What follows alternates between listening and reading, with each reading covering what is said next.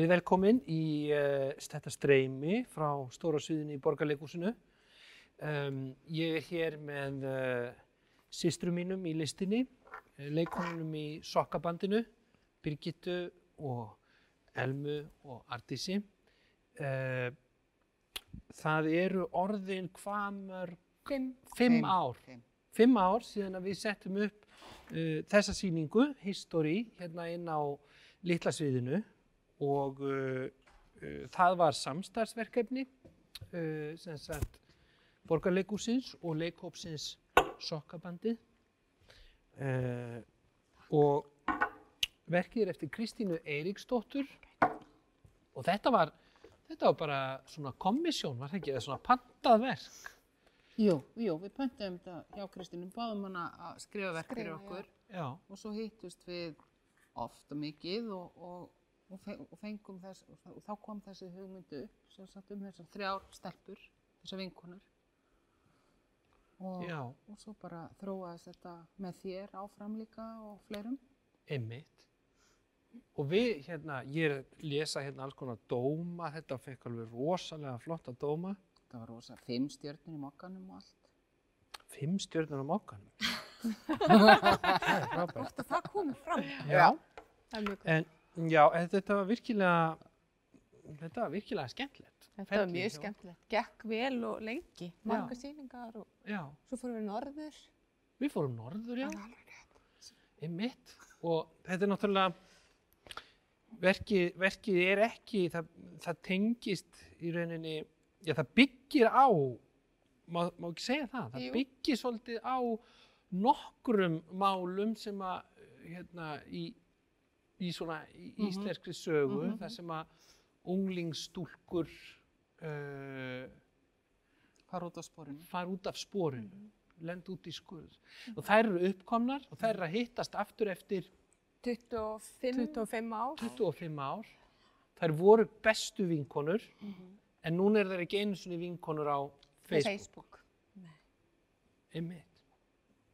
Og þær eru að hittast Það er að hittast heima með mér í kvöld Til að reynsa. til að reynsa. til að hreinsa. Já. Uppáhaldsetningi mín í þessu verki er einmitt, tengist þessari hreinsun og hún er einhvern veginn svona, ég man nú ekki hver á hana. Mm. Og hvað heldur það gerist? Já. Heldur það tilfinningaflækjur okkar rakni upp og verði að marglitu bandi sem við getum svo prjónað úr peysur Þannig að okkur verði aldrei eftir kall. svo okkur verði aldrei aftur kall. Einmitt. Það er þú, þín á. Já. Einmitt. Já, það má alltaf reyna. Uh Já. Um, svo voru rosalega miklir, það voru all, alls konar ljósa effektar og, og tónlist Mhm.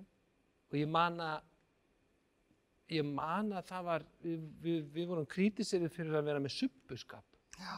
Mátt að, já, henda ykkur og grýta ykkur. já. brjóta hluti Já. Alveg. Já. Manstu, þú varst með mold, þú varst með blómapott Einmitt. og sem bjóst til Kúk. mannaskít Já. sem þú lagðir á teppi á miðsviðinu og við vorum búin að gera gat í gólfið og tengja reykvél þannig að svo rauk úr mannaskítnum. En kannski svona mynd sem fólk má bara hafa í huga svona undir. Alveg rétt. Og ég grýtti, mann alltaf, ég grýtti blómapotti bara hérna, á, alltaf í hvers nýjum blómapotti. Alveg. Og það voru fóru brot út um allt. Einmitt. Þetta var upp á líf og dauða. Það var alveg upp á lið og. Já. Og svo voru barbidúkur og pónihestar. Og pónihestar. Svali. Jarðabröðsvali, Já. pipabrjósikur, landi og bleikt húpa búpa. Hermannaklossar. Og þú söngst, Birgitta. Já, Ætlar að syngja á eftir? hver veit. Já, hver við. Já. Já. Það var þarna atriði sem á sér stað í, í netto út á Granda. Já. Um miðanótt. Og snýst eitthvað um, já, svo, svo pissaðir á sviðið. Já. Hefur gefið allt upp. Ég er svona, já, já, ég er svona að sækja sjónrænu Já, áhrifin áður en við byrjum. Já. Það var þá varstu með svalafernu sem þú kreistir. Já. Það var geggjaflott. Var það jarðaberjasvali? Já. Já. góð lykt af pissinu. Já, einmitt. En við ætlum sem að lesa, þetta vera loka orðin. við ætlum að lesa þetta og þetta verður eitthvað. Þetta er náttúrulega svolítið flakkar fram og aftur í tíma. Það eru ungar og eldri og Já, fara eiginlega í svona þerapíu þetta kvöld sko, og aftur í tíman og hann í ruslarennu minningana minnum með eitthvað stað, það kemur eitthvað svona ruslalúu minningana, Já. fara einhvern veginn onni manstu þegar mamma, mamma þín læst okkur inn í geimstunni. já, inn í kompunni, Já, ruslakompunni í ruslakompuni. Þið ættu kannski á eftir því þið lesið bara að gefa, gefa svona smá pásu þegar áður en það stökku aftur í, Mhm. í tíma. Já, við munum gera það. Já. En eigum við ekki bara að stökka öll aftur í tíma um fimm ár og, og leiklesa históri eftir Kristínu Eiríksdóttur. jú. Ég segi bara eins og á æfingunum í gamla daga, gjörið þið svo vel. Takk.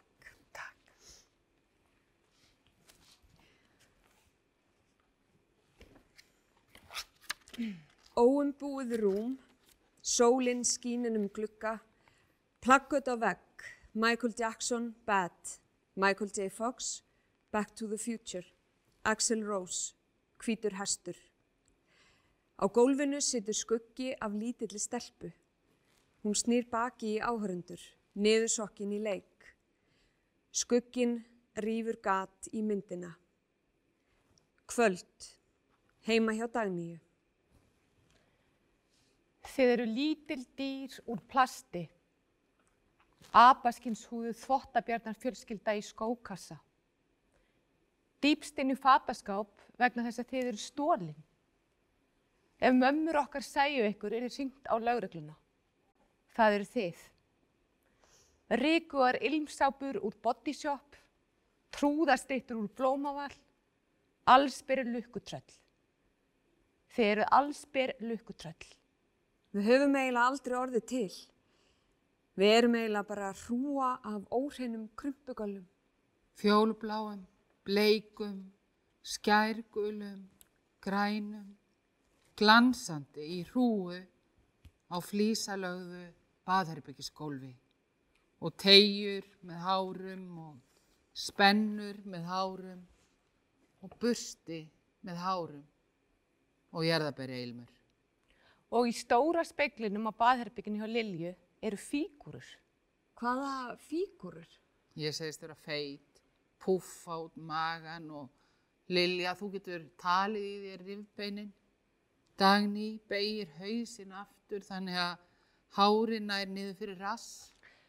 Þið eru með fæðingabletti, en ég er ekki með neina. Mamma getur ekki sagt mig hvers vegna. Engin veit það, segir hún.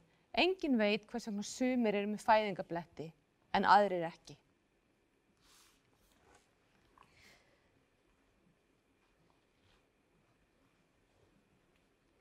Sæl, Sæl.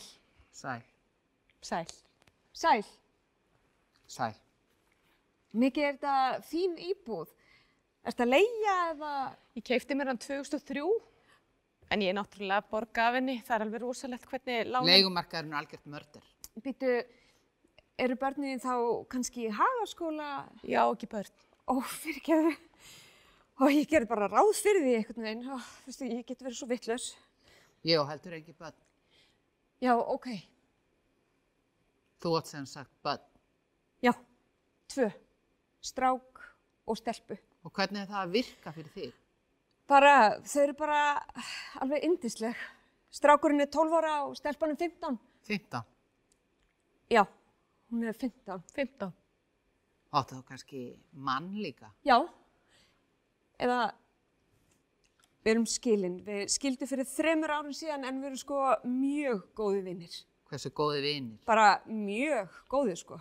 Já, já. Já, eða við söfnum sko miniatúrum úr gleri og þurftu þess svona að reyfa okkur eftir alveg ákveðnu kerfi. Ég er svo glöð að þið gáttu komið. Já, það er svo gott að sjá ykkur. Ha?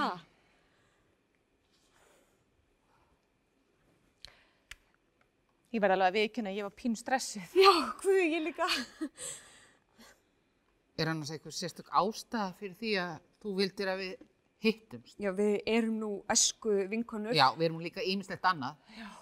Já, ég vildi reyndar, ég, mér dætti huga að það getur verið gott fyrir okkur að ræða, hérna, að við þyrftum kannski samýningu að, sem sagt, það sem vakti fyrir mér þegar ég sendi ykkur skilaboð og það sem ég hef reyndað að vera að hugsa um núna mánuðum saman, var að við myndum hittast og reyna að hreinsa.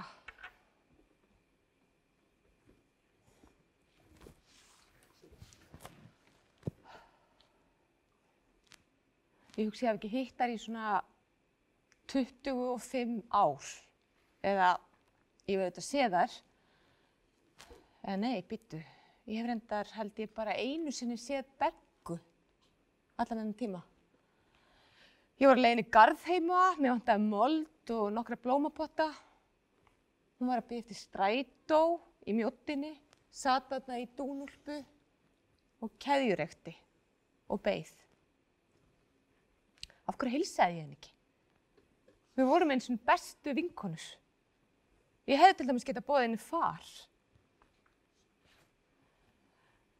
En ég rekst alltaf á Lilju, annars slæðið. Við brosum Við heilsumst í melabúðinni, á ægisíðinni. í ræktinni út á nesi. Sæl. Sæl. Svo ákvað ég bara að senda þeim skilaboð á Facebook. Lilja reyndi strax að aðta mér en það hefði einhvern veginn verið allt og mikið. Og ég bauði þeim að koma hingað til mín í kvöld. Og auðvitað var það ekki þannig að ég bara ákvaða að senda þeim skilaboð á Facebook. Þetta er auðvitað miklu, miklu flóknara. Fyrir ekki nema ári síðan þá hefði þetta aldrei kvarlað að mér. En fyrir ári síðan þá sá ég heldur ekki táknin sem að mér voru send. Ég hlustaði ekki og ég heyrði ekki. Eitt af táknunum var í history. Hann skildi tölvuna sín eftir opna og, og logandi og ég smelti svona tvísvar, history, show all history. Fyrir ári síðan þá var ég nefnilega í sambúð. Ég skrappa alveg saman í þessari sambúð. Ég misti þrjá til fjóra sentimetra og ég mýktist. Beinin í mér örði eins og í barni og svo gerðist eitthvað. Ég veit ekki alveg nákvæmlega hvað það var en ég fór að sjá táknin. Þau hefðu alltaf verið þarna og segja leiði mér að lesa í þau en þau komu til minn alveg í röðum. Til dæmis, það var það síðasta sem hann gaf mér, það, það, það voru hlaupaskór. Ég sá að þú veist að lesa dómin. Ertu hrættur við mig? Ertu hrættur við litla stelpu, aumingiðinn? Ertu hrættur við að komi litla stelpu og lemja þig? Ég er ekkert að hækka rómin. Nei, þetta er engin ofur viðkvæmni. Ég er ekkert í neinu kasti. Sko, ég, ég fyrir burt yfir helgin og því ég kem heim þá verður þú farin. Hundruðinn og nývarnir, sláttuvélinn, sófasettið og leðursófinn, hátalarkerfið og málverkið hérna á konun að greiða sér. Táknin hafa aldrei verið skýrari. Já, halló, Eyvindur. Segðu mér, Eyvindur, getur verið, ha, get, skeist, nei, kúkaðir þú á stofugólfið? Nei, nei, þetta er ekkert úr hundinum. Ég veit alveg hvernig þetta lítur út sem kemur úr hundinum og þetta er ekki úr hundinum. Þetta, þetta er mannakúkur. Innst inni, Eyvindur, innst inni, þá veist þú alveg að þú kúkaðir á stofugólfið mitt. Þú ert kannski, þú ert kannski búin að afneita þessari vitnesku og þú trúið jafnvel sjálfur að kólur, hundurðinn, hafi gert þetta til að hefna þín á mér og þess vegna, þess vegna þjáistu, Eyvindur, vegna þess að þú hafnar sannleikonum. Vegna þess að innst innan í þér er sannleikurinn múlbundin og tjóðræður, fastur. Þess vegna þjáist fólk. Já, þú lærðir mannfræði, var það ekki dæmi? Félagsfræði. Ég kenn upp í háskóla. Er, er það svona eins og svo félagsráðgjöf eða, eða þannig? Já, eiginlega mætti kannski alveg segja það. En hvað með þig, Líla? Þú ert alltaf svo góð söngkona, ertu ennþá að syngja? Já, ég sko, ég fór í söngnám en ég hætti samt á öðru ári, var ólétt og, og svona, já var sko, e, já ég samt að spá ég að, að sækja um í haust og aðtöku, ég get ekki bara að klára þetta. Ég hef samt ekkert verið að syngja, ég datt einhvern veginn alveg út bara og svo náttúrulega bara mikið með börnin og, og ég vinn í móttöku á fastaminsölu halvan daginn og það er mjög fínt. En ég er samt oft svolítið auðvitað við mig eins og ég sé ekki beinlinis í líkamannum eins og einu sinni þá har ég að skuttla stelpunni í fimmleika. Ég var svift. Byrju, hversuna var ég eftir að segja frá þessu? Já, já, vegna þess að ég er svo utan við mig og þetta var bara svona dæmi um það, hvað ég get verið utanum við, við mig og allt í hennu voru við bara komin upp borganis og vorum bara að fá pulsu. Þú ert félagsráðgjafi daginn, hvað á maður að gera þegar maður er sviftur? Sviftur? Mm. Hvernig? Bara öllu, sjálfræði, lögræði, Ég veit ekki begga, hver sviftir þig? mamma, sýstu mína, sýstu mína aðalega, það, er bara, það er bara létu svifta mig. Ég skil ekki, Eh, Þú getur náttúrulega kært dómsúrskurinn held ég. Já, þá tapa ég örgla bara. En, en, en af hverju varstu svift sjálfræði, er það hægt? Já, það er bara eitthvað sjúkleg afskiptasemi. Þessar kettlingar ættu bara stunda sína fundi og láta mig í friði. Getur þú tala við þær? Ha? Ég? Ég, ég hef ekki hitt mömmina í eða týpurina hvað í 20 ár. Heldur að það myndi eitthvað hlusta á mig? Erstu ekki félagsráðgjafi? Já, ég er nú reyndar aðjú. Aðvíð. Já, mér finnst þetta alveg hræðilegt, ha, að það skulle vera hægt að gera svona, jésús, og hvað, og, og hvað, ræður þér þá ekki sjálf eða, veistu, ég skil þetta ekki eins og Nei, en segðu mér, Begga, er fólk ekki bara yfirleitt svift eða neytar að fara inn á viðeigandi stofnun? Þannig að ef að þú, Dagni, myndi neyta að fara á þína viðegandi stofnun sem er þá hvað? Háskóli Íslands eða þú, Lilja, myndi neyta mæta á fasteignarsöluna þín eða eitthvað, punktur is, punktur is, eitthvað, þá eru þið líka bara sviftar. En hvaða stopnun áttið þú að fara á? Ég, ég skil þetta alls ekki, sko. Vil ég kannski fá kaffi? Æ, nei, guð, ekki svona seint, áttu kannski te? Bjór? Eh, Ekki bjór, nei. En já, rauðvin. Já, ég myndi alveg þykja, svolítið rauðvin. Já, ég vildi að fá okkur bara glasa rauðvinni. Mér finnst þetta alveg hrikalegt sem þú varst að segja okkur. Ha? Já. Ég verð bara svo reið. Já, veistu, ég skil það bara Nei, mjög þið vel. skilu það nefnilega ekki, sko. Eins og áðan á leiðin hingað, þá var ég að lesa á netinu svona topp nýju lista. Veistu ekkert hvað ég er að tala um? Svona nýju leiðir til að stöðva hlínun jarðar eða nýju leiðir til að koma hormónunum og jafnvægi, nýju leiðir til að halda kallmanni áhugasömmum. Svona nýju liða listi hefur ekkert séð þetta, þetta er rosalega mikið á netinu. Jú, veistu, ég held reyndra að ég veit alveg hvað þú ert að tala um. Já, og ég var sagt að skoða svona lista núna áðan og ég var bara alveg brjáluð.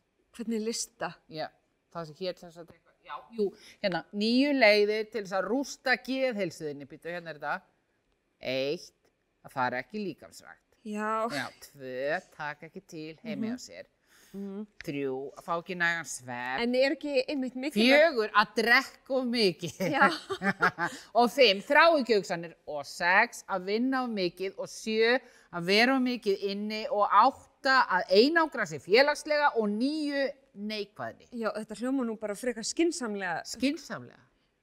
Ok, Lilja, þú varst nú aldrei sá beitast eða sko, sjáðu bara hérna, nummer eitt. Það geti ekki allir farið í líkamsrætt. Sumir eru fallaður og aðrir eru lamaður og sumir eru svo feitir að þarf að hýfa það út úr húsi í kranabíl. Sjúkraþjálfun, ekki, ekki vera með þetta píp. Tvö, taka ekki til, taka ekki til, taka ekki til, taka ekki til. Og þrjú, hvað er nægusvefn og hvenær gerist hann? Ha? Átta klukkustundir frá 11 til 7, segi hver. Guð, vinnumarkaðurinn fél og þetta er svo heimskullegt að ég, já, já, já, fjögur. Prófaði að bera þetta upp á Flórida, fundi ég á AA-samtökunum með stíkt upp á þessu út í Krísuvík, já, krakkar, það var einn að fá hugmynd, það finnst miklu betra bara að drekka bara minna. Ha? Og fimm, þrákjöksanir, önnur stórkostleg hugmynd. Þú ert með OCD-vinnu minn og kvíðaröskun og sem læknir yðar langar mig til þess að stinga því að ég er að þú hættir að vera með þessar kvimleiðu þrákjöksanir hið snarasta. Ha? Sex, vinn of mikið, ekki það ég hef nokkra reynsla því en það hef ég nú bara alltaf verið bóta þegi. Og sjö, af þess hef ég meiri reynslu, ekki vera of mikið inni. Ha?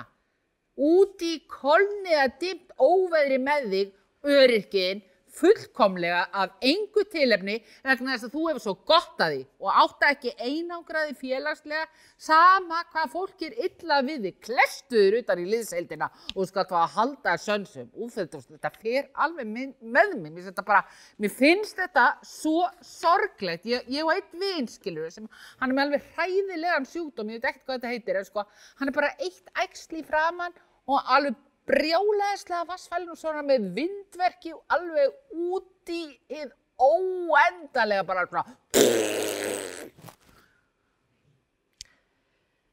Dagni kemur inn með rauðvinsflösku og konfekt En þú myndarleg. Omnam. og nýju neikvæðni. Hvernig væri annars hægt að halda múknum í skefjum? Allt þetta kjaftaði er bara skrifað til þess að halda okkur þægum, svo þess að eina prósenti geti haldið 99 prósentunum. Brostu, það er auðveldara. Hvað er bara komin æsingur í ykkur? Nei, Begga er bara að segja mér frá grein sem hún var að lesa á netinu. Fáið ykkur. Mm, rosalega er þetta gott Já. súkkulaði. Ég var alltaf í aðhaldi og þá fitnaði ég bara. En núna borðið ég bara það sem ég sýnist og ég grennist og grennist. Í alvörinu?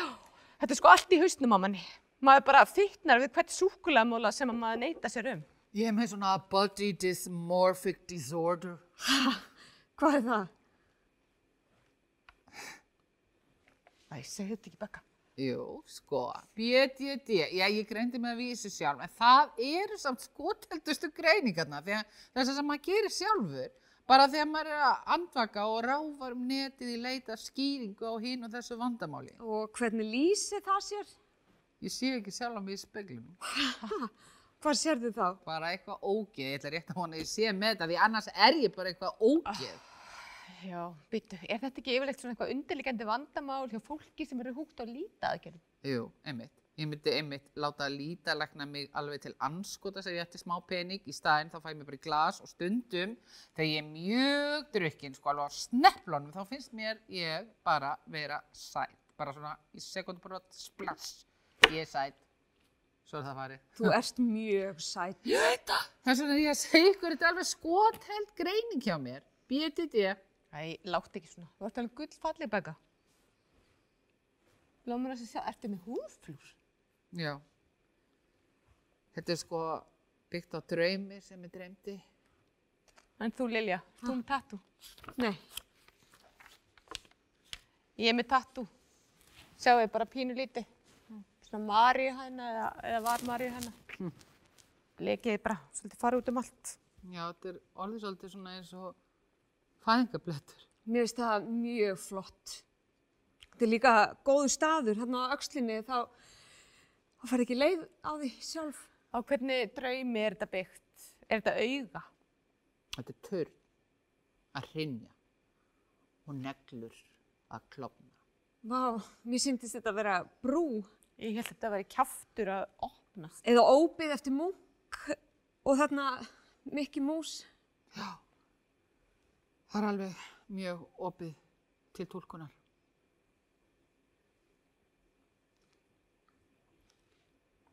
Það er alltaf þrennt. Þegar vinnumálastofnun bauð mér starf á TJ Fridays í Smáralindinni, þá afþakkaði ég bóðið. Þegar vinnumálastofnun bauð mér starf á sambíli fyrir þroskaefta í ármúlanum, þá afþakkaði ég bóðið. Þegar vinnumálastofnun bóðaði mig á námskeið sem hétt Fáðu betra sjálfströst í dag þrjú upprápunamerki, þá afþakkaði ég bóðið. Þrjú brot, bætinu voru teknir af mér. Þrennt. Líf mitt gerist í þrendum. Heimurinn starfar í þrendum og það er helvíti. Tveir, þrýr, þið við börninu ykkar ef þau eru óþekk. Einn, og ef barni hættir ekkert að vera óþekkt, tveir, og ef barni hættir ekkert óþekktinni, þrýr, og ekkert Playstation í mánuð, ekkert Coca Puffs í mánuð, ekkert sjónvarp í mánuð, þrýr, engar bætur, vanemdir í þrjá mánuði, húsnæðislaus, þrennt. Hvernig finnst ykkur annars skotni mínir? Þeir eru nýr, ég pantaði það á eBay á heildsöluverði. Hvernig finnst ykkur litirnir? Það voru svo margir í bóði, svo margar samsetningar, það tók mig alveg heila nótt að velja og morgunin eftir þurfti ég að fara í bankan. Það voru alveg ríkalegt veður og ég lappaði í gegnum kirkjugarðin til þess að reyna að fá skjóli. Þið vitið samt alveg hvernig það er að vera sveflaus í óveðri. Svo mæti ég í bankan og þá segist einhver kettlingatrunda sem er samt örgla yngri en ég að það verða að lýsa mig gjaldþróta. Mér þykir það mjög leitt, sagði hann. Og það eina sem ég gæti hugsað um var hvort skótnir var ekki öruglega á leiðinni. Hvort fæslan hefði ekki verið gerð samstundis, hvort þeir var ekki öruglega á leiðin til mín með express posti. Mér þykir þetta reglulega leitt vinan, sagði kettlingin. Þá sagði ég bara við hana, ég sagði, veistu það, gamla, nú sparar þú vorkunna fyrir þá sem þurfa á hana að halda, ha? Spara hana fyrir þrælabötnin sem saumuðu skóna sem eru á leiðinu til mín í posti, eða veistu, spara hana bara komplett. Hvað eiga þrælabötn sem að gera við vorkun í haustum á einhverjum þjónustu fulltrúa? Vegna þess að þú vorkinir þeim, sem er bara þangað til að þig vantar nýja hlaupaskó vegna þess gamla að við búum í heimi þar sem það er ekki eins og hægt að fá hlaupaskó sem fullarðin manneska á góðum launum hefur segjum að skilur það. Þetta er bara það erfiðasta sem maður gerir að skilja.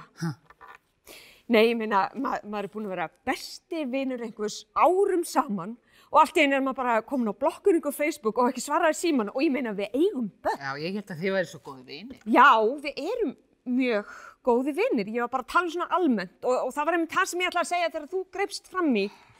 Og, og við eigum börn og þess vegna er bara svo mikilvægt að, að halda samskiptunum góðum. Hvernig hefur mamma einn það, Dagný? Hún er dáin. Hún dó fyrir árið síðan. Æ, ég samsíkist. En ömulegt, hún, hún var svo yndisleg manneskja. Var það? Var hún það? Ég man þegar við... Æ, ekkert. Segðu það bara. Begga rótar í töskunni sinni, dregur upp landabrúsa með rauðum tappa og leggur á borðið. Tekur upp síkartpakka. Æ, varu nokk til að gera þetta bara út á svölum. Ok, ok, kræst. Er hún svona full? Ég var einmitt að hugsa það sama. Það er alveg fellegt að sjá hana. Þarf maður ekki að vera eitthvað alveg rosalegur til þess að vera sviftur sjálfræði? Jú, ég held að þessi bara gert ef að fólk er með mjög alvarlega geðröskun og neytar að fá aðstóð. Heldur nokkuð að hún sé... Nei, ég... Við getum alveg að tala saman í gegn klukkan, hvað voru þið að segja? Nei, æ, ég, ég, ég, ég man bara einu sinni, við höfum verið svona 11 eða 12 ára og ég man að mammina Dagnýjar var nýkomið með, með permanent. Svona alveg pínu litlar blöytar lambakrullur sem lág alveg svona þjætt upp við höfuðið. Það var mamma mín. Þú ert að fara að segja söguna af því þegar mamma kom að okkur í ruslageimslunni. Við vorum að fara í gegnum rusli og nágrunum hún trompaðist og læst okkur inni og glimt okkur síðan alveg sólaringa eitthvað. Ertu ekki að tala um það? Nei, ég er að tala um mömmunar Dagnýjar og ég man ekki einu sinni þetta sem þú ert að tala um. Sagan sem ég ætla að segja, hún er bara krútleg. Og við vorum heima hjá Dagný og mammina var nýkomið permanent og svo sagði hann að hann langaði til þess að gera eitthvað í garðinum, sitja henni í vorleika eða, eða eitthvað. En mástu hvað gerist þá, Dagný? Hæ, munið virkilega ekki eftir þessu? Það var svo sætt. Jú, heyrðu, ég man alveg eftir þessu. Dagný braut sparibökkin sinn og svo sögðust við alltaf út að leika en fórum í Brynju. Já, þar sem Dagný notaði allan peningin úr sparuböknu sínum til þess að kaupa stunguskóplu handa mömmu sinni. Þú varst svo góð, Dagný.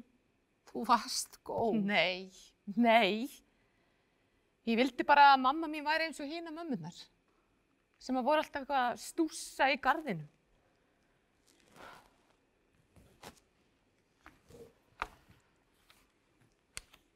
Mamma hlær bara að mér. Hún segir að ég sé með ofur viðkvæmni. Ég skil ekki helmingin að því sem hún segir. Hún segir að ef ég væri eitthvað annað dýr, yrði ég undir í lífsbaráttunni. Hún segir að ég væri brottgöldur án brotta, skjaldbaka án skjaldar, tannlaust ljón. Ég tæmdi veskið hennar. og ég pakkaði í skólatöskuna mína. Ég pakkaði sjampói og nærfötum og tambusta. Um morgunin þá fór ég ekkert í skólan. Ég tók strætó á umferðarmiðstöðuna og kefti miða til eigilstaða vegna þess að einu sinni bjó pappi þar. En svo fór ég að gráta og þá kom eitthvað maður og ég sagði honum allt og þá var lauruglan komin og mamma gerði sér svona væmna við laurugluna. En svo í bílnum þegar enginn sá, þá laurungaði hann mig ógeðslega fast og sagði að ég hefði ekki ennst nefnir búið umferðarmiðstöð vegna þess að ég væri brottgultur án brotta, skjaldbaka án skjaldar, tannlaust ljón, krakki sem getur ekki eins og strókið heimann, á þess að væla utan í löðrugluna upp í umferðarmiðstöð. Ég má ekki flytja til pappa vegna þess að mamma segir að hann sé ógeð, en ég man ekkert eftir hennum, nema hann talaði skrítið og hann gaf mig munnhörpu. Hún segir honum sér sama um mig og hann eigi nýja konu. Svo fór ég að spá í hvort að eitt hvort eitthvað hérna ætti kannski auka herbergi. Ég borða eiginlega ekki neitt og ég er ríkt duglega í skólanum í öllu nema kannski starffræði. En ég geng rosalega vel um og ég get alveg hjálpað til með eitthvað. Ég get kannski passa fyrir ykkur. Eða ég börn. Bara svona eins og ópýr. Ópýr.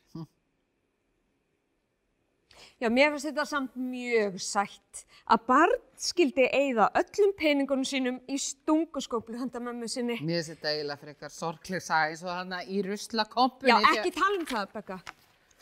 Ég man ekkert eftir neitt ruslakompu. Var ég með? Þú áttir hugmyndina að þessu, að fara að sjá hverju fólk hendi í gegnum ruslalúna. Byrjaði samt bara á því að við, við vorum eitthvað að leika okkur og við settum bánsan okkur á milli hæða í bandi og... Já, oi bara. Ég man ekkert eftir þessu. Nei, en mannst eftir sem er páköki minn. Ó, guð, það er auðvitað mín versta minni. Nei, elska mín, það er ekki versta minningin þín.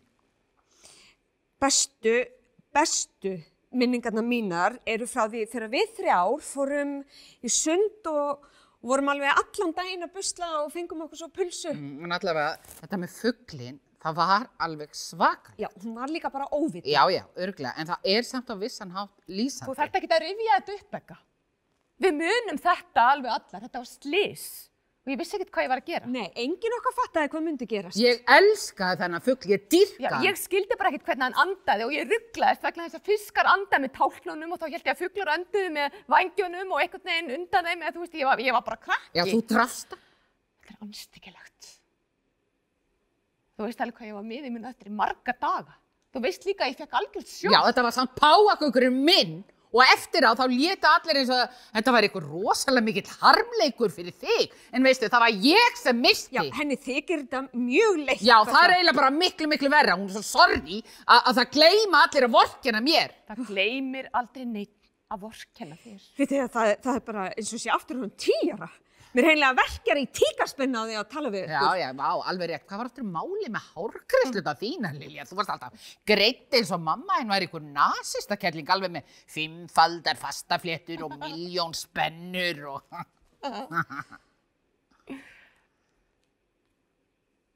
Burgni. Við erum ekki í helli. Við erum í ruslakompu. Undir blokkin en að beggu. Þetta er burkni. Er hann úr plasti? Hann vex úr sprungu. Moldin á kólfinu er blöyt. Ég er pínu hrætt. Á ég að segja ykkur sögu? Ekki óhugnulega sögu. Hvernig sögu? Hún er þrjár systur. Hvaða systur? þrjár systur sem eiga hesta, hestarnir fara með þeir í skólanum mótnana og býða fyrir utan meðan þær eru að læra og svo fara þeir með þær aftur heim eftir skólan og allaveg inn í íbúðina þeirra sem er byggð þannig að þrýr hestar komast auðveldlega um allt. Hvað er það gamlar? Það eru 15 ára. Er það allar 15 ára? Er það þrýburar? Nei, það eru systur. En hvernig geta þær allar verið fættar á sama árinu eða er ekki þrýburar? Þetta er bara saga, vil ég ekkert vita hvað gerist. Hvað gerist? Það er drepa hestana. Ha? Af hverju? Engi veit hvað sagna, það er bara að drepa þá. Hva- Og hvað gerist þá? Ekkert, ekki neitt, sagan er búin. Ha? Þetta var umlu saga. Glötuð saga. En hvað segir fóreldrið þeirra? Ég veit það ekki, það gerist eftir að sagan klárast. Ég skil bara ekki hvers vegna þær drápu hestana. Hvernig gerðu þær það eiginlega? Það er kæfið þá. Bældu þá niður og kæfið þá. Úff,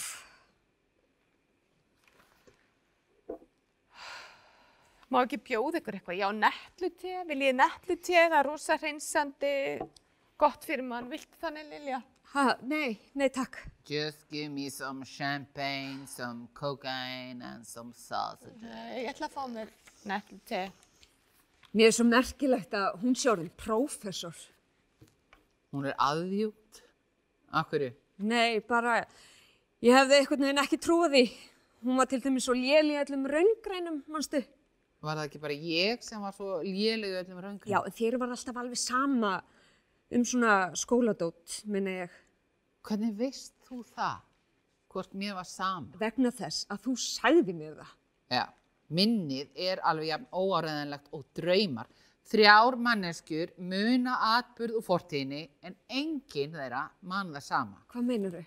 Vegna þess að það hafa að rifja atbyrðinu upp reglulega og í hvert skipti hafa bæst við atriði úr aðstæðum sem þar voru í þegar það rifjuð upp. Og þannig að jakki sem var grár, hann er orðið bleikur, blár, grætt, gulur, brún, allt eftir því hvað blasti við augunum þegar það er rifjuð upp jakkana.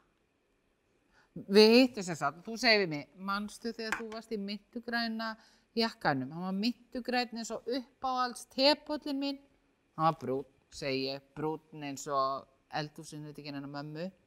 Nei, hann var hvítur, segi þá Dagný, hvítur eins og gardínutnar á byðstofu veist, öllum finnst okkur við verið að segja sannleikan en enginn hefur rétt fyrir sér. Ef jakkin er ekki lengur til og það náðist aldrei á mynd, þá er vittneskan glötu, sannleikurinn ekki til. Fóst þú aldrei í mentaskóla? Eða svona kvöldnámskeið eða eitthvað? Nei, Og ertu þá ekki með stúðinspróf? Nei, og það er auðvitað sorglegasta staðreind lífsmýnslilja far kjarnast harmurinn. Langaði að skrópa í dag? Nei, mamma sagði ég þetta taka sjötta bekk tvísvar ef ég næði ekki vorprófunum. Gerðu það, Becca. Við getum tekið strætó ofn í bæ og farið í Amazon. Æ, ég bara komið svo ríkalega mikið aftur úr öllu. Við getum farið í kringluna og ná okkur pening í gósbrunnum. Nei, Lilja. Ég ætla að hætta að leika við þig á svona leiðileg og ég segi dagníu, þú veist. nei, nei, nei, nei, þú mátt ekki segja henni. Ég segi henni bara víst og ég segi mömmuðinni að þú svindlaðir á náttúrufræðiprófunu. Dagný kemur aftur inn, Lilja skrýður hægt um sviðið. Af hverju skrýður hún svona um sviðið? Ég held að hún sé kannski bara að fara að vallega. Er það ekki Lilja, er þetta ekki bara að fara að vallega? Jú, bara til að ekkert brotni. Ég verð aldrei andvaka yfir þessu. Er það ekki? Ég man ekkert eftir. Ekki heldur. Ég man allt. Sko, þú Lilja, þú varst alveg í rusli út af einhverjum gæja, þannig að Pétur hann kallaður Saltipési og Nanna var að ríða honum. Nanna! Ekki það ég verð ekki ofta andvaka, en það er bara vegna þess að ég get ekki alveg slakað á andlit svöðvon. Kjálkinn svona læsist alveg. Já, ak, sko, einmitt, ég líka, ég, ég með alveg rosalega svona fótaóið, bara sparka og ég bara sparka upp senginni og svo þegar ég að sofa með svona sérstakann góm vegna þess að ég gnisti tönnan maður döðvegt, sko. Hafið þið annars eitthvað hérna, hafið þið, hafið þið verið í eitthvað svona, í eitthvað þerapíu eða, eða svona andlegri vinnu? Mér dreymir stundum að ég taki utanum pungin á haldóri og ég kristi og kristi og bóra nöglunum inn í pungin og, og rífi kúlurnar úr seknum og tróði þeim upp í mig og bryði þær á milli tannana. En hann finnur ekki fyrir neinu. Já, sko ég get alveg trúað ykkur fyrir þessu en ég byrði ykkur samt um að fara ekki með þetta lengra. Fyrir rúmu ári síðan, þá fór ég að hitta fagmannisku og í framhald af því þá byrjaði ég í svona mannræktar samtökum sem allavega, ég held að það sé mjög mikilvægt fyrir okkur og bara, við, bara fólk almennt að horfast í augu við fortíðina og takast á við sjálft sig og andlegur þroski og, og læra og, og þannig. Það var Begga sem let mig skrópa. Hún sagði ég var lúði ef ég myndi ekki skrópa með henni og hún landi mig. Hérna, sjáðu, ég er með marblett. Ég mæti dagníu stundum út á götu. Hún heilsa mér, liftir hendinu svona stans. Mér langar svo til að tala við hana. Ég brosi og hún kippist aðeins í andlitinu svona. En ég hef bara einu sinni sé beggu. Það er alveg mörg ár síðan, held ég. Ég fór í Netto út á Granda um meðanótt vegna þess að ég gæti ekki sofið og það var ekkert til og mér bara leittist og ég tók bílinn og var bara sloppnum samt alveg þykkum slopp. Mjög fínum eiginlega. Og ég var bara heilengi að skoða eitthvað í búðinni og, og ég man að það var svo sorglegt lag sem spilaði þarna Feelings, nothing more than feelings. Trying to forget my feelings of love. Og ég bara glemdi mér svolítið og ég fann svona bakka með sushi-butum og ég settist bara aðeins og ætlaði bara að smakka nokkra bita og ég var bara allt í hennu búin úr bakkanum og andlitað á mér var allt blöytt og mér langaði heim en samt langaði mig ekki heim og ég var bara að hugsa um þetta. Að langa eitthvað en samt ekki. Og hvað það getur verið mikið klemma og ég glemdi alveg að ég var búin að borða allt þetta sushi. Ég ætlaði bara að flýta mér út úr búðinni og það var verið að spila lag eitthvað þarna One, two, three, one, two, three, drink I'm gonna swing from the chandelier og allt í einu þá fannst mér byrstan svo óþægilega þannig og ég ætlaði bara að drífa mig út en þá kom öryggisvörðurinn og var rosa reyður og spurði hvort ég ætlaði ekki að borga fyrir sushið og hvort ég ætlaði virkilega að keira heim í þessu ástandi. Hvað? Hvað ástandi? spurði ég og Öryggisverðurinn kallaði mig sóbríldömu í kalltæki sitt.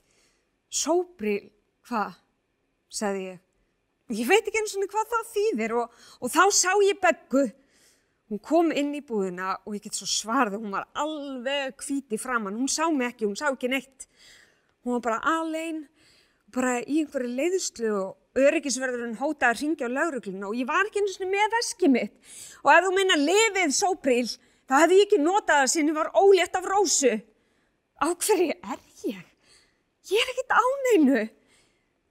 Og hvert fór pekka? Okkur var sloppurinn hennar allir blöytur. Það draup á hann með eitthvað ógeð, það var ógeðslegt. Ói!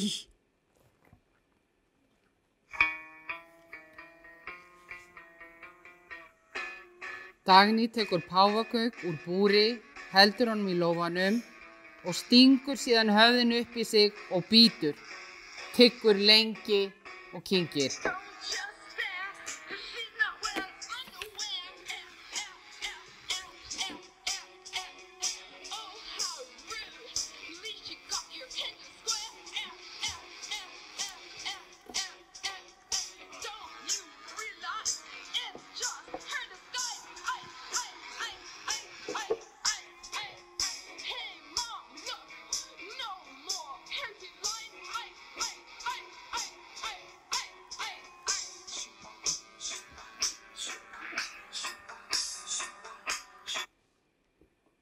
Hæ Pési, uh, hæ.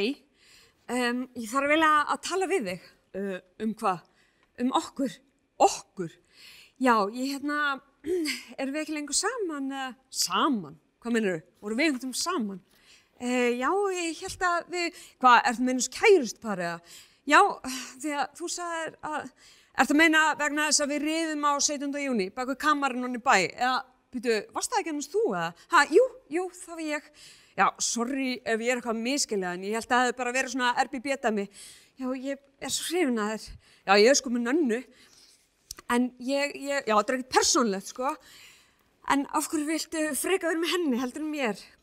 Viltu endilega vita það? Uh, já, já, ok, bara vegna hún er bara flottari heldur en þú. Já, getur þú samt kannski bara útskýrt það í smáatriðum? Uh, hvernig þá? Bara það er alltaf góð líkt að henni og svo er hún með starri brjóst og bara samsvara sig betur en þú. Já, en getur samt útskýrt það aðeins betur? Ok, sko, ég man til með alveg eftir þér og gaggo, þú ert í nýjöndabæk, eða ekki? Ha, jú, Já, sko, það er ekki að andlita á þessu ekki fínt, þú ert alveg með fínt andlit og svo leiðis, en þú bara berði ekkert rosalega vel og svo bara einhver svipu sem þú setur upp sem er alveg hefi fráhrindandi. Hæ, já, getur þú útskýrt það aðeins betur? Já, ok, þú ert svona gælla sem að maður rýður alveg á fyllir en ekki svona sem að byrja með. Það er vond lykt að mér að, nei, ekki bara eins vond heldur, ekkert góð heldur, eiginlega bara svona þú ert eiginlega bara svona svolítið þannig, svona korkin ég. Ha, hvernig þá? Getur þú verið aðeins nákvæmari? Sko, uh, þú notaði líka tennuna svo mikið. Það var bara eitthvað rosalega gott að vera með þér ef, ef ég á að segja alveg eins og er. Ha, hvernig þá? Þegar við kistumst eða? Já, þegar við kistumst og líka þegar þú varst að totta mig. Já, ok, þannig að ég meitti þig, já, eiginlega. Og svo varstu bara svolítið upp á þrengjatu eftir og andfúl og svo erstu með bara frekar slæma húð, sko. Ha, hvernig þá? Slæma húð? Uh, ekki með bólur kannski, en alveg fílapæsla og þurrkubletti og bara áferðin eitthvað svo hristru. Ha, ok, getur þú útskýrt þetta aðeins betur, þetta með húðina? Uh, já, ok, býtu, hvernig get ég, ok, húðina er eins og pínu laus og kannski er það ekkert húðin sem er vandamáli, heldur það sem er undir húðinni. Kannski vandaði bara að vöðva eða eitthvað og þetta er eitthvað svo slöpp. Ha, hvernig þá? Getur þú útskýrt þetta aðeins betur?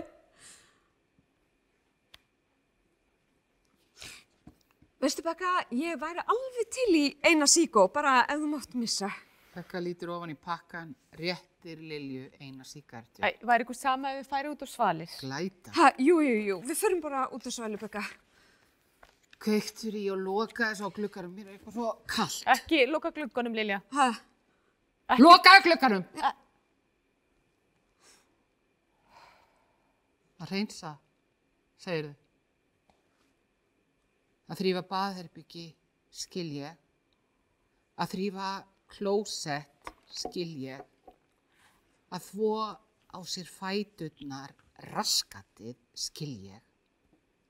En maður reynsar ekki burtu tilfinningar.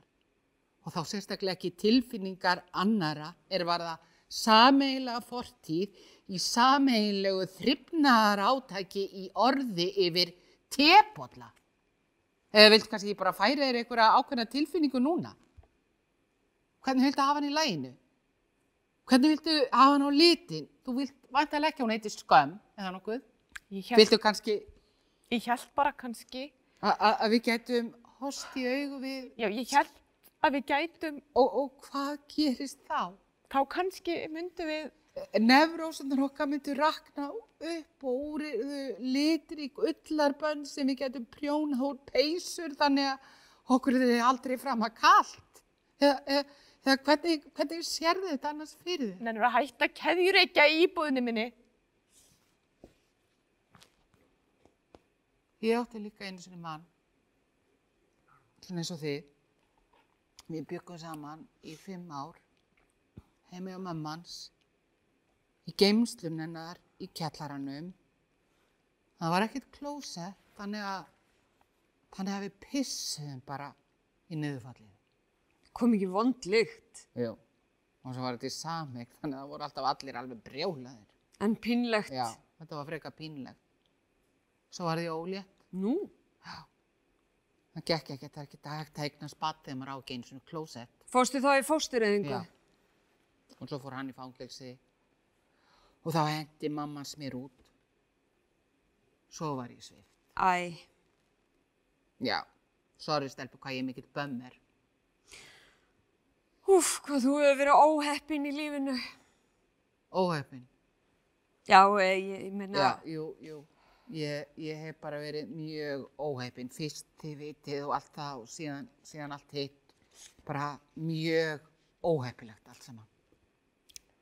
Ég held ég viti kannski um lögfræðing sem getur hjálpað þér. Æ, Dagný, gott sætt. Allar að hjálpa mér að verða sjálfraða. Ég get allavega að tala við hann og sé hvort hann getur gert eitthvað, svona pro bono. Já, nei takk, ómögulega. hún er bara að reyna að hjálpa þér, Já, Becca. ok, aðeinslegt. Og hvað vill hún fá í staðinn? Í staðinn? Ekkert. Ég vil ekki neitt. Manstu eftir því, Lilja, fregar hún gaf mér lafði lokkaprúð prinsinn. Nei, Það var vegna þess að ég sagði þér ekki að hún drap kermit. var það hún sem tók kermit? Já, hún fór með hann út í garð og kveikti í honum. grillaðan eins og pulsu. Kermit. Skilaðu prinsinum. Sérðu, þessi ótugt er í grunn eðlinennar. Ef hún, e, e, ef hún hjálpar mér, þar, þar, þá þarf ég að gera eitthvað í staðinn. Svona, svona laga breytist aldrei. Komdu með prinsinn. Þú svo djöfuti treglilja Já, ég skil bara ekki hvað sem þú þurft að kveika í Kermit. vegna þess að þannig er fólk. Fólk brennir uppáhalds leikvöng bestu vina sinna vegna þess að þannig er fólk bara. Skilaðu prinsinum. Þú kjaftaðir. Uss!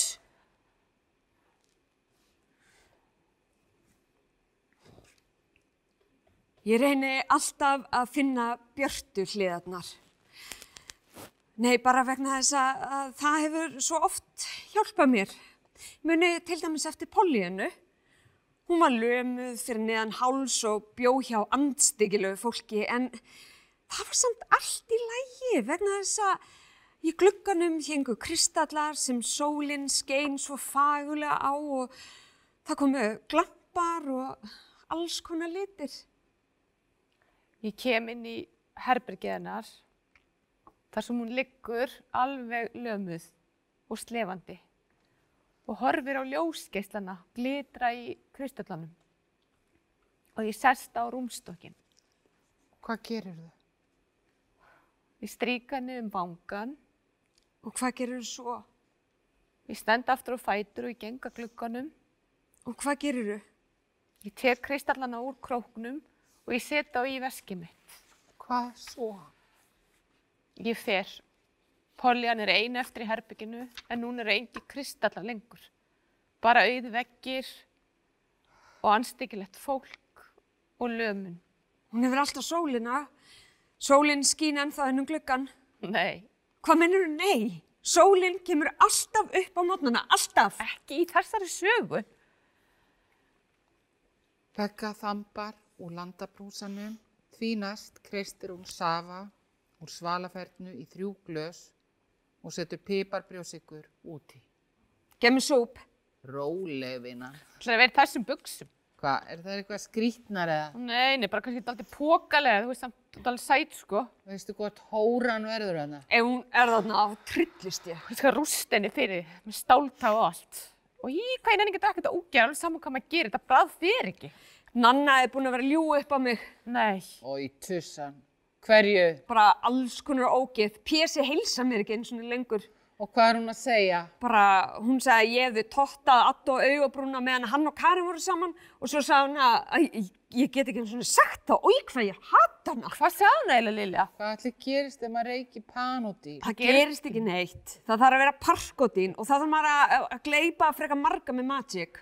Á ég að segja hvað Stína sagði mér í reiknum í gær. Mín í Stína eða Stína ljóta? Hvað sagði hún? Stína Ljóta, hún sagði mér að Nanna og um öllum var bóðið nema okkur. Í, tussusteppur! Og hún sagði líka að það hefði verið að leika okkur og öllum hefði fundist það eitthvað mega fyndið. Leika okkur? Hvernig það? Og hún sagði ekki, bara eitthvað. Og svo var ég veist alltaf að segja að við varum að selja okkur fyrir sjóveikipillur og drepast í frönskum tógurum og eitthvað svona ógæslegt rugg. Jís. Ég var líka bara, hei Stína Ljóta, þú veist alveg að ég og Bekka erum báða hreina megar og Pési er einu gaurinn sem Lilja hefur verið með. Sagður henni að ég var með Pésa? Æ, on, það vita það allir. Eru þið byrjar að finna á ykkur? Já, en það geti samt alveg sem verið lígi, alveg svo allt hitt, þú veist. Það er engin ástæða til þess að staðfesta það svona. Æ, sorry, ég er bara eins og ykt þreytt ára alltaf kallið merla, bara vegna þess að þú varst með einhverju gimpa 17. júni. Ég meina, hvað var stil að spá? Þú veist alveg hvernig hann er. Já, en hún sagði sko líka að, hún sagði að ég hefði verið með Björsa Bollu og, og Magga Fáita og að þeir hefðu, úi, þú veist, ég, skil ekki einu svona hvernig hún getur hugsað svona mikið ógeð. Hvað hefur að gera? Ég veit það ekki. Ég ætla aldrei aftur í skólan. Það trúar örugglega allir þessu ógeð. Hún er sikk vippi, ég hatt hana. Jöfusins tussan. Ef við hittum hann í kvöld, þá ætlum ég að tala við hann. Tala við mig þetta fokkings eðilega, fokkings helvitis heimskulega rotta fokkings andlita á henni. Heldur að mamma eins er sopnuð? Já, Hún tók pillu og er rótuð alveg þótt til í fyrramáli. Drýfum okkur bara að finnum þessa helvitis hóru og drefum hana! Æ, en mamma gæti alveg fundið upp á að ringja, sko. E- Ekki eftir miðnætti, Lilja, ekki sens. Förum bara. En ég er öll útgrátin. Má ég fá púður?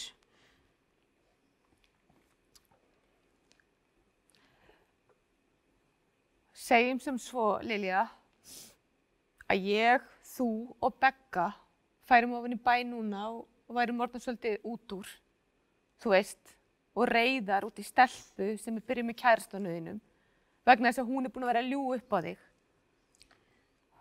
Segjum sem svo að við værum 15 ára, að við værum bestu, bestu vinkonur frá því í fyrsta bekk og við værum eiginlega svolítið eins og systur. Segjum sem svo að um leið og við kæmum niður í bankastræti mættu við henni og hún væri einsömmul, alveg jafn út úr og og búin týna vinkun sínum og úlpun sinni.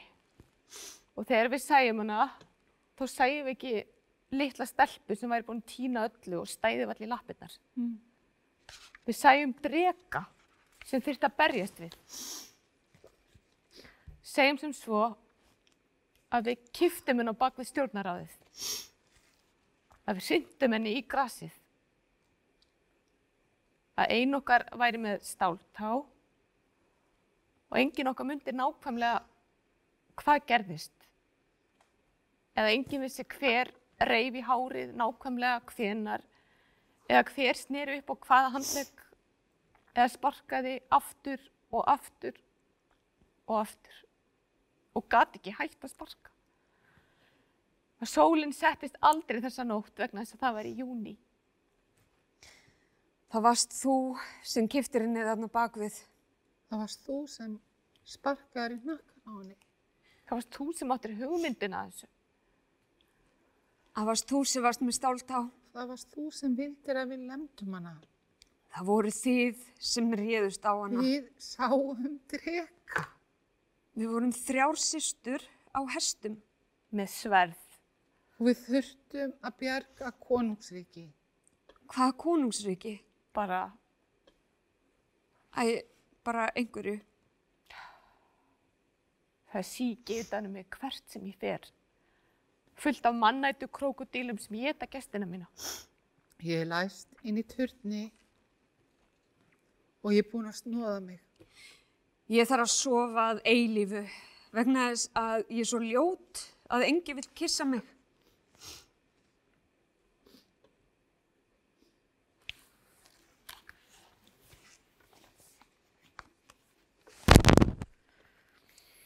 En það sem ég fannst ég kannski læra á söllu, þessum skilnað á ég við og þessu áfalli sem ég var fyrir, er að manneskjan gengur ein í myrkrinu og allt annað er lígi.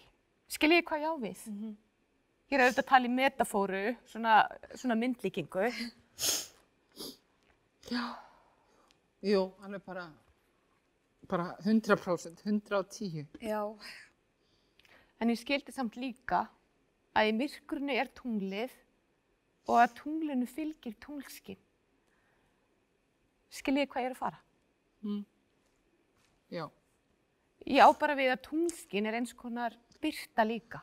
Og ég er ekki að tala um í eiginlegri merkingu, heldur svona tákgrænt. Já.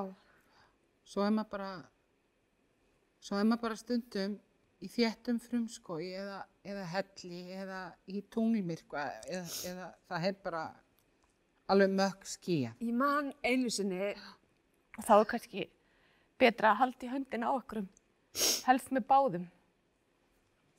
Þó að maður segir þetta aðleitt alltaf. Þá getur kannski verið svo gott að finna að einhver annar er líka aðleitt. En bara við hlýðin á manni í myrkrinu. Helst báðum megin við mann. ég man að við höfðum alla fengið eins náttfött í jólagjöf og okkur var svo gaman að vera eins. En allavega, það sem ég man eftir er að Þrýr rittarar festast í fennjarskói og það eru trjágreinar sem eru slöngur sem reyna að kirkja þær. Þrýr rittarar festast í fennjaskógi og trjágreinar sem eru slöngur sem kirkjaðir. rittarar, fennjaskói, slöngur, kirkja. Manstu Dagný, þegar þú bjóst um okkur í stofunni og við vorum allar í eins náttfötum, gráum með litlum bleikum doppum, við höfum allar fengið eins náttföti jólagjöf og okkur var svo gaman að vera eins.